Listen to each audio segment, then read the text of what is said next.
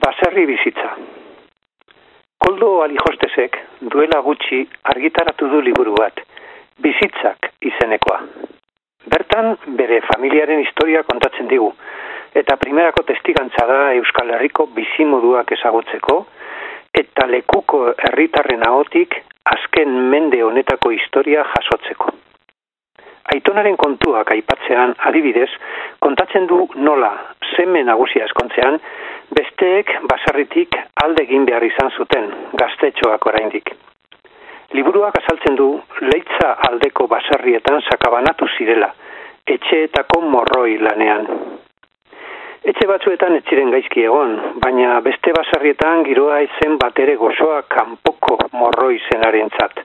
Humiliazioak, zigorrak, bizimodulatza, denetarik pairatu dute askok. Izan ere, liburuan alijostezek dakarrena, morroi figura hori, ohikoa izan da gure gizarte tradizionalean. Aurreko egunean etorri zitzaidan hori burura lagun batekin izketan nengoela. Iritik alde egiteko gogoa aipatzen zidan.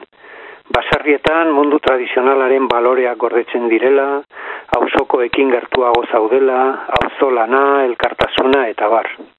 Ez nion ez errezan, bera jakingo du zer egin baina seguru nago basarri giroan espero ez duen gauza askorekin egingo duela topo. Ez guztiak txarrak jakina, baina baten bat bai. Izan ere, mundu tradizionalaren idealizazio hori, gizarte solidarioa, naturarekin lotua, euskalduna, ikuspegi oso satikakoa da. Egiazko kuadroa osatzeko alde ilun batzuk falta zaizkio.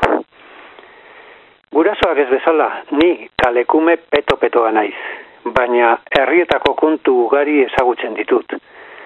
Entzun eta irakurri ditut historioak, ez gutxi. Eta ez litzaidake burutik pasatuko, herri jatorren bizimodu zoragarria besterik gabe gorestea. Ez dut esango, iria baino kerragoak direla herriak.